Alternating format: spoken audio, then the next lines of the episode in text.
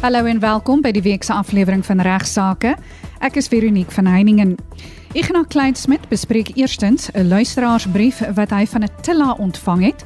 Dit handel oor of daar 'n beperking is op die tyd wat verloop het na geval van kindermolestering en of daar steeds 'n saak gemaak kan word.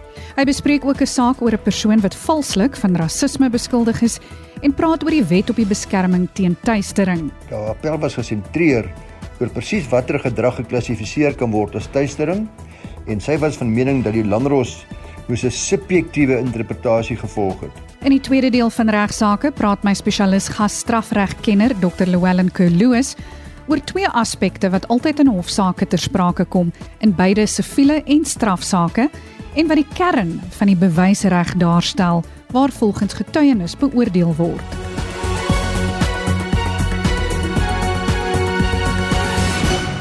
Ons skop die week se program af met 'n vraag wat Ignas oor kindermolestering ontvang het. Die luisteraar wil weet of 'n persoon wat jare gelede gemolesteer is, jare na die voorval steeds 'n saak teen die molesteerder kan maak. Baie goeiemôre aan almal daar by RSG en veral ook die oggendspan. En nou dat ek so bietjie minder werk, is dit vir my so groot plesier om ook na julle te luister. Baie dankie.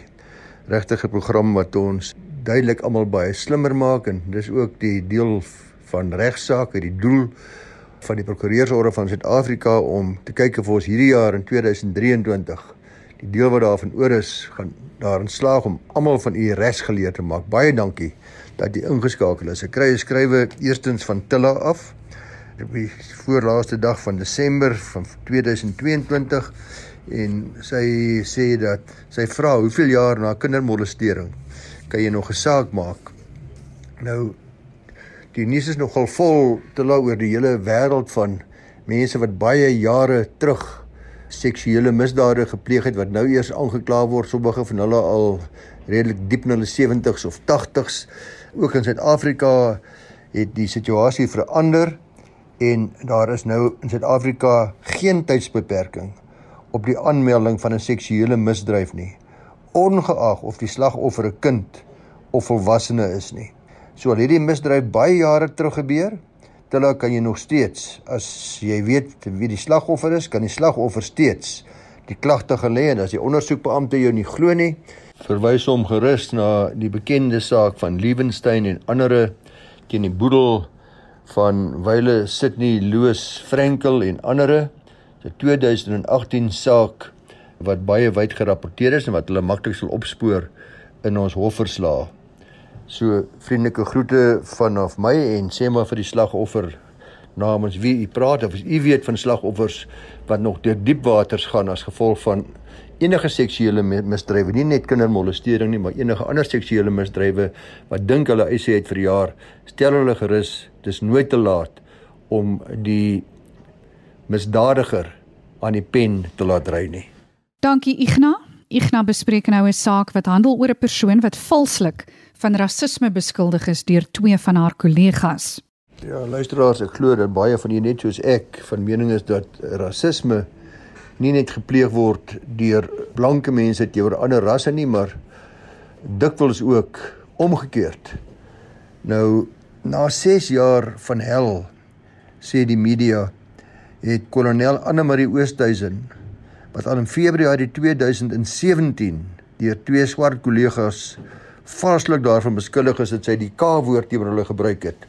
Uiteindelik 'n paar weke terug in die hof geseëvier nadat daar 'n hele klompie kere gelitigeer was hieroor. En die arbeidshof het uiteindelik bevind dit was nie kolonel Oosthuizen wat haar twee kollegas rassisties getuister het nie. Dis inderdaad sy wat deur haar twee swart kollegas rassisties getuister was. Nou die SAPD se insydige optrede en die manipulering van die dissiplinêre verhore van hierdie twee menere namens Sedisa Tikou en Chris Mapana, die twee kollegas wat daar getuister het, is baie sterk deur regter Portia Nukuta Nukontwana in die arbeidshof veroordeel.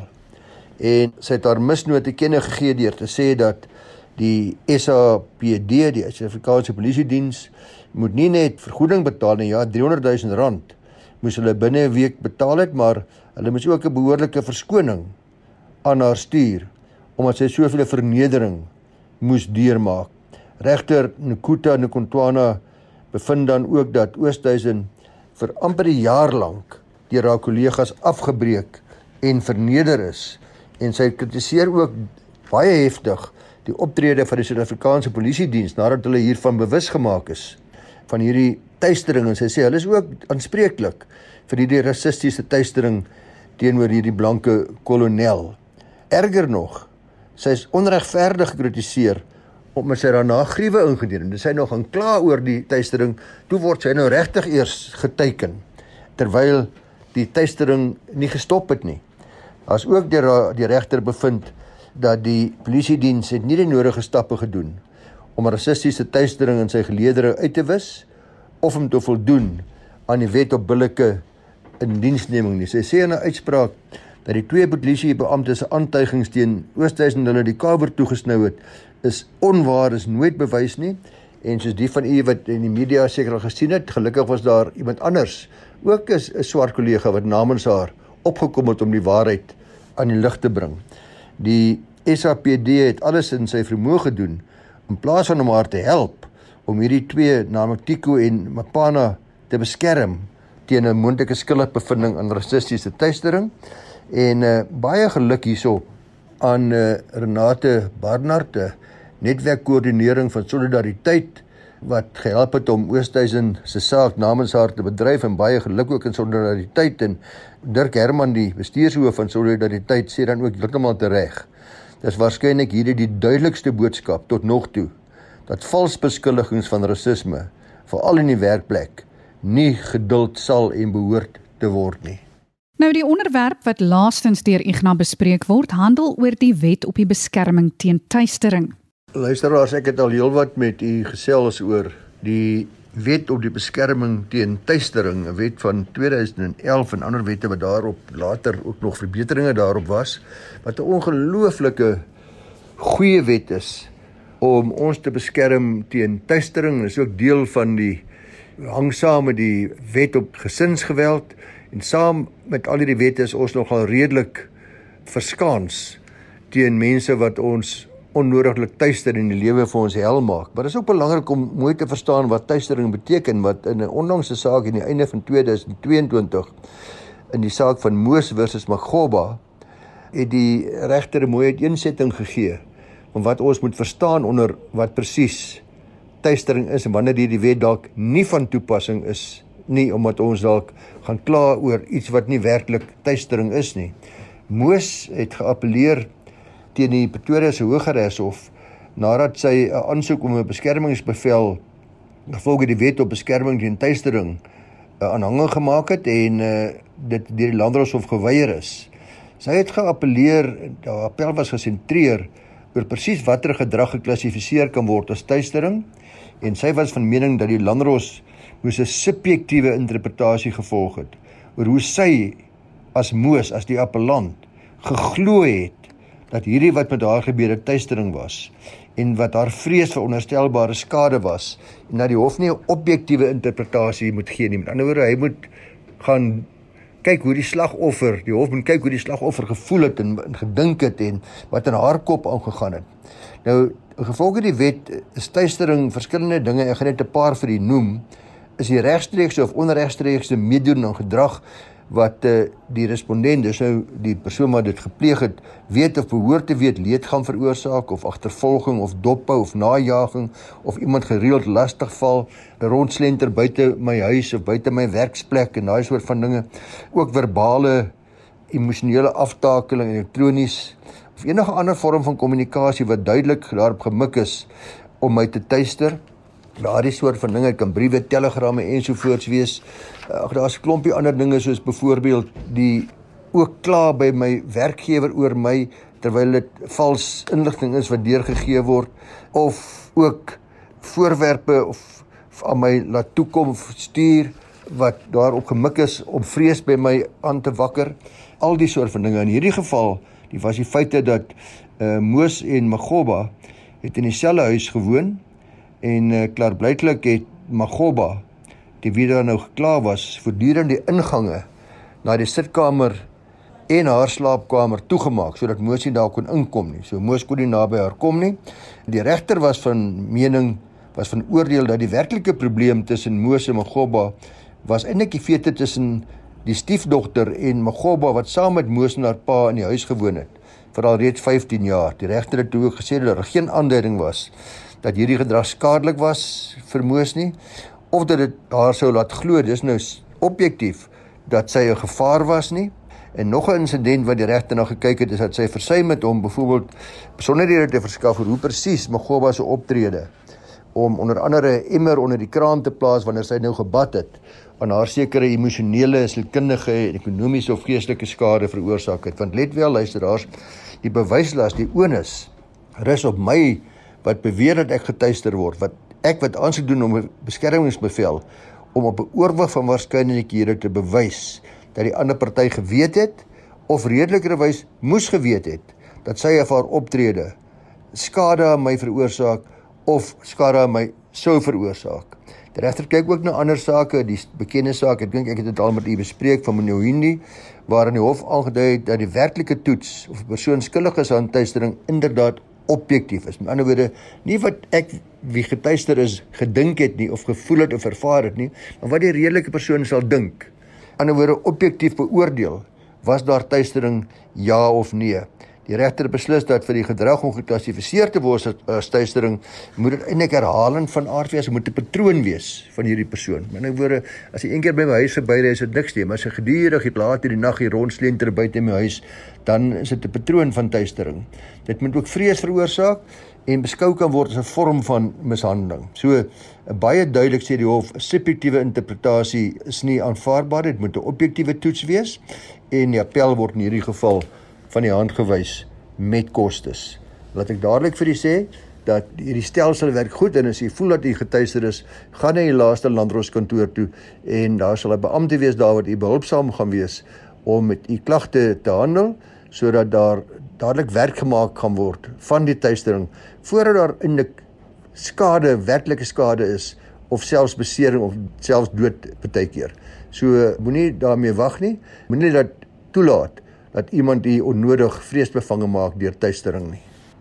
Dan luisteraars hier oor die Kersseisoen, ek weer gereeld amper getuister kan ek sê met verskeie skrywes vanaf bekommerde luisteraars wat graag wil hê ek moet hulle help met hulle persoonlike probleme, was vir reël wat huismoles gewees en ander dinge wat 'n mens se lewens verkeerd geloop het. Ongelukkig kan ek dit werklik nie doen nie. Ek doen hierdie program namens die Prokureursorde van Suid-Afrika en probeer ons probleme aanspreek wat van algemene aard is en wat van waarde is vir almal wat luister.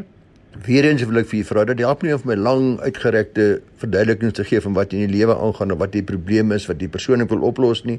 In u omgewing is daar 'n prokureur wat net so goed is en dien nie beter is as ek self om die probleem op te los nie. As dit 'n spesialis gebied is, vra in die omgewing wie die spesialis prokureur op daardie gebied is en gaan sien hom of haar. En want ek wil regtig nie met u op beskof wees nie en op een of ander manier ek wonder altyd waar u die inligting kry is daar luisteraars wat direk vir my skakel. En dan moet ek later amper om beskof wees deur te sê ek moet nou ongelukkig die foon in die oor neer sit want u wil nie nee aanvaar vir 'n antwoord nie en ek wil dit regtig nie doen nie want ek gaan nie vir u telefoniese advies gee nie telefoniese advies is nie net baie gevaarlik nie, dis dikwels ook oningelig want 'n behoorlike konsultasie is nodig om verskeie vrae en antwoorde te kry voordat enige prokureur vir u in u situasie van behoorlike resadvies kan bedien. 'n Baie lekker dag vir u verder vanaf my kant en luister gerus lekker na die laaste deel saam met my en Veronique na regsaake. Baie interessant, soos altyd Ignas. Soos ek vroeër genoem het, sluit strafregkenner Dr. Llewellyn Kerloos vandag by my aan en hy praat oor die bewysreg en hoe getuienis beoordeel word. Dr. Kerloos sê daar is altyd twee aspekte wat in siviele asook strafsaake ter sprake kom, naamlik toelaatbaarheid en die beoordeling van relevantie. Weereens welkom by regsaake Dr. Kerloos. Kan jy vir ons 'n bietjie agtergrond gee oor die begrip toelaatbaarheid en waar dit van toepassing is wanneer jy getuienis beoordeel. Beide hierdie twee konsepte is baie baie belangrik vir strafsaake en vir sover dit die reg in die algemeen aanbetref ook vir siviele sake. Volgens die Anglo-Amerikaanse benadering word duidelik onderskei tussen reëls betreffende die toelaatbaarheid van getuienis en reëls betreffende die beoordeling van getuienis. Die toelaatbaarheidsvereistes of reëls wat daarop gerig is om sekere tipe getuienis, soos byvoorbeeld hoorsê getuienis uit te sluit, is juis 'n uitstaande kenmerk van die Anglo-Amerikaanse stelsels. Die kontinentale stelsels daarenteen, soos die Duitse en Franse stelsels, volg 'n soepeler benadering. Deur in die algemeen alle getuienis wat op die geskil betrekking het toe te laat en dit dan aan die hof oor te laat om 'n gepaste gewig daaraan toe te ken. Daar bestaan dus geen streng uitsluitingsreëls soos in die Anglo-Amerikaanse stelsels nie. Die reëls betreffende die beoordeling van getuienis is daarop gerig om die hof behulpsaam te wees om die getuienis wat voorgelê is. Met ander woorde, die getuienis wat toegelaat is, oftewel toelaatbaar is, te evalueer ten einde tot 'n korrekte feitebevinding te kom. Getuienisbeoordeling behels normaalweg dat die hof al die getuienis ontleed, geloofwaardigheidsbevindings maak, afleidings maak en die waarskynlikhede oorweeg. In teenstelling met 'n chemikus kan 'n hof nie sy bevindinge empiries in 'n laboratorium toets nie. Die chemikus kan in ideale, konstante omstandighede empiriese en proefondervindelik vasstel dat twee dele waterstof en een deel suurstof byvoorbeeld 'n vloeistof, bekend as water vorm. Die chemikus kan die invloed van eksterne faktore uitskakel deur in 'n laboratorium ideale omstandighede te skep. 'n Hof het nie hierdie voordeel by die beoordeling van feite nie. Die moontlikheid dat 'n klaagster in 'n verkrachtingssaak 'n leenagtige getuie is, is nie 'n eksterne faktor wat die hof met behulp van laboratoriumgegewe omstandighede kan uitskakel nie. Getuienisbeoordeling vind plaas ten einde die hof in staat te kan stel om te bevind of 'n saak bewese is of nie. Alhoewel die hof dus nie soos die wetenskaplike sy bevindinge teen natuurreëlmatighede kan toets nie, beteken dit nie dat getuienisbeoordeling 'n onwetenskaplike proses of 'n lekrake aktiwiteit of oefening is nie. Die hof is byvoorbeeld gebonde aan die reëls van logika. Afleidings uit omstandigheidsgetuienis moet byvoorbeeld klop met die reëls van logika. Wanneer 'n feit deur middel van 'n afleiding uit omstandigheidsgetuienis in 'n strafsaak as bewese aanvaar word, moet die betrokke afleiding met al die bewese feite klop en moet die bewese feite alle ander redelike afleidings uitskakel. Die afleiding wat gemaak word, moet die enigste redelike afleiding wees. In siviele sake moet die afleiding ook met al die bewese feite klop, maar dit hoef nie die enigste redelike afleiding te wees nie. Dit is genoegsaam indien die afleiding wat gemaak word die sterkste of waarskynlikste afleiding is. Hierdie reëls is reëls van die logika. Voorts is die verskil in die benadering tot omstandigheidsgetuienis in straf en siviele sake 'n logiese uitvloeisel van die verskil tussen die bewysmaatstawwe sogenaamde bewysbeoordelike twyfel wat in strafsaake geld en sogenaamde bewys op 'n oorwig van waarskynlikhede wat in siviele sake geld. In die getuienisbeoordelingsproses het die logika as redeneermetode ook sekere beperkings. Logiese gevolgtrekkings verskaf nog steeds nie absolute sekerheid ten aansien van die waarheid van die gevolgtrekking nie.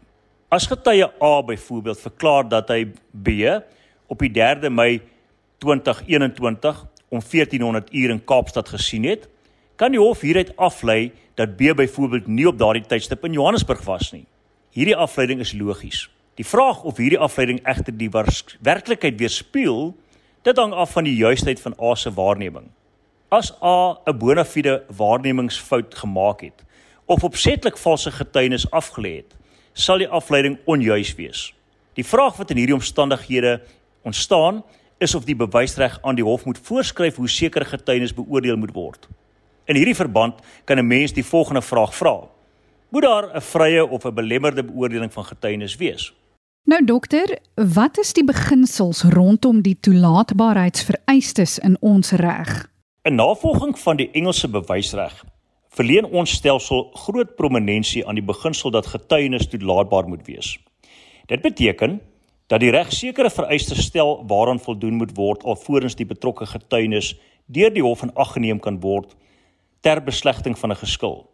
Alhoewel die uitgangspunt positief gestel word, naamlik dat alle getuienis toelaatbaar moet wees, het die primêre reëls wat hierdie beginsel beliggaam 'n negatiewe karakter in die sin dat dit bepaal wanneer getuienis ontoelaatbaar is. Die vereistes betreffende die toelaatbaarheid van getuienis kan in twee hoofkategorieë ingedeel word. Naamlik die relevantheidsreël met sy toepassing en die ander uitsluitingsreëls. Die relevantheidsreël is die primêre vereiste en hou kortweg in dat getuienis oor die vermoë moet beskik om tot die bewys van die feite en geskil by te dra. Wat die toepassing van hierdie reël betref, word onderskei tussen 'n aantal reëls waar volgens verskillende tipes getuienis as ontoelaatbaar aangemerk word. Die tradisionele indeling behels getuienis van byvoorbeeld vorige ooreenstemmende verklaringe, soortgelyke feite, karaktergetuienis, kollaterale feite en opiniegetuienis. Die ander uitsluitingsreëls beliggaam addisionele toelaatbaarheidsvereistes, natuurlik bo en behalwe die relevantheidsvereiste. Hierdie kategorieë behels sekere reëls waar volgens getuienis wat wel relevant mag wees.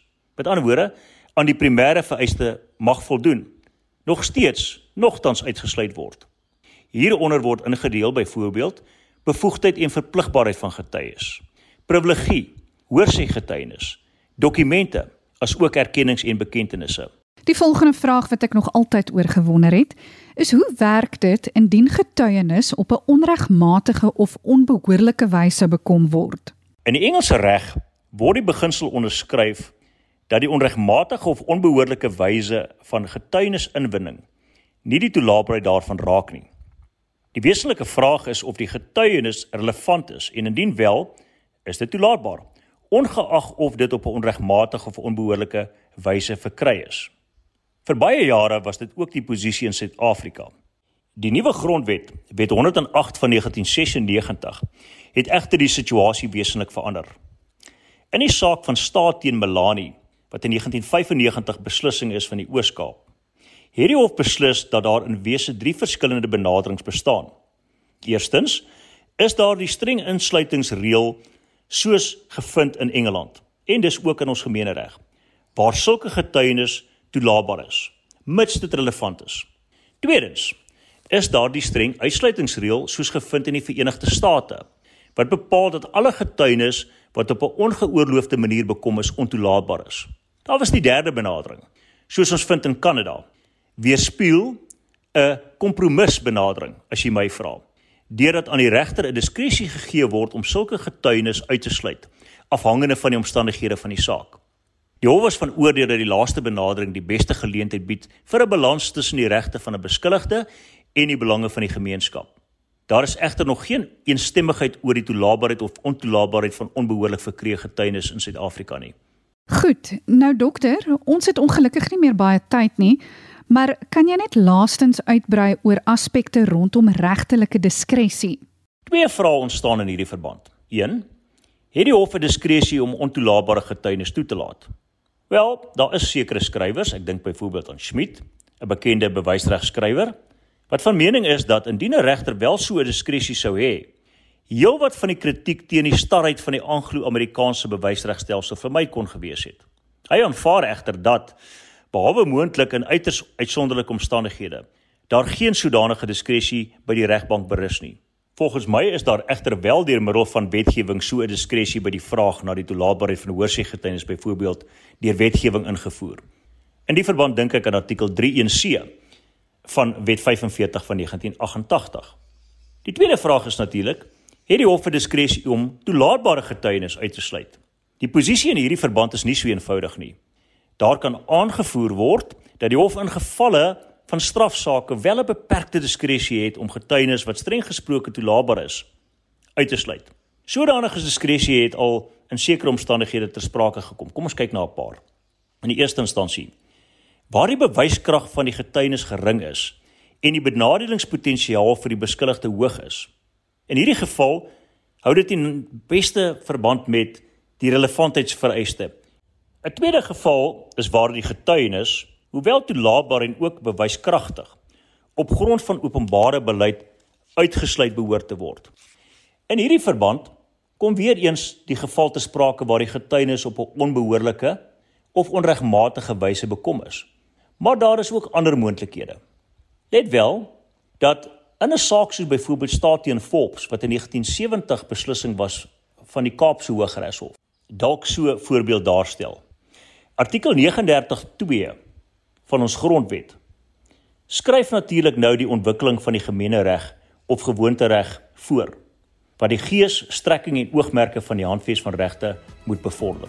Dit was nou baie interessant. Van my Veronique van Heiningen groete. Tot volgende week.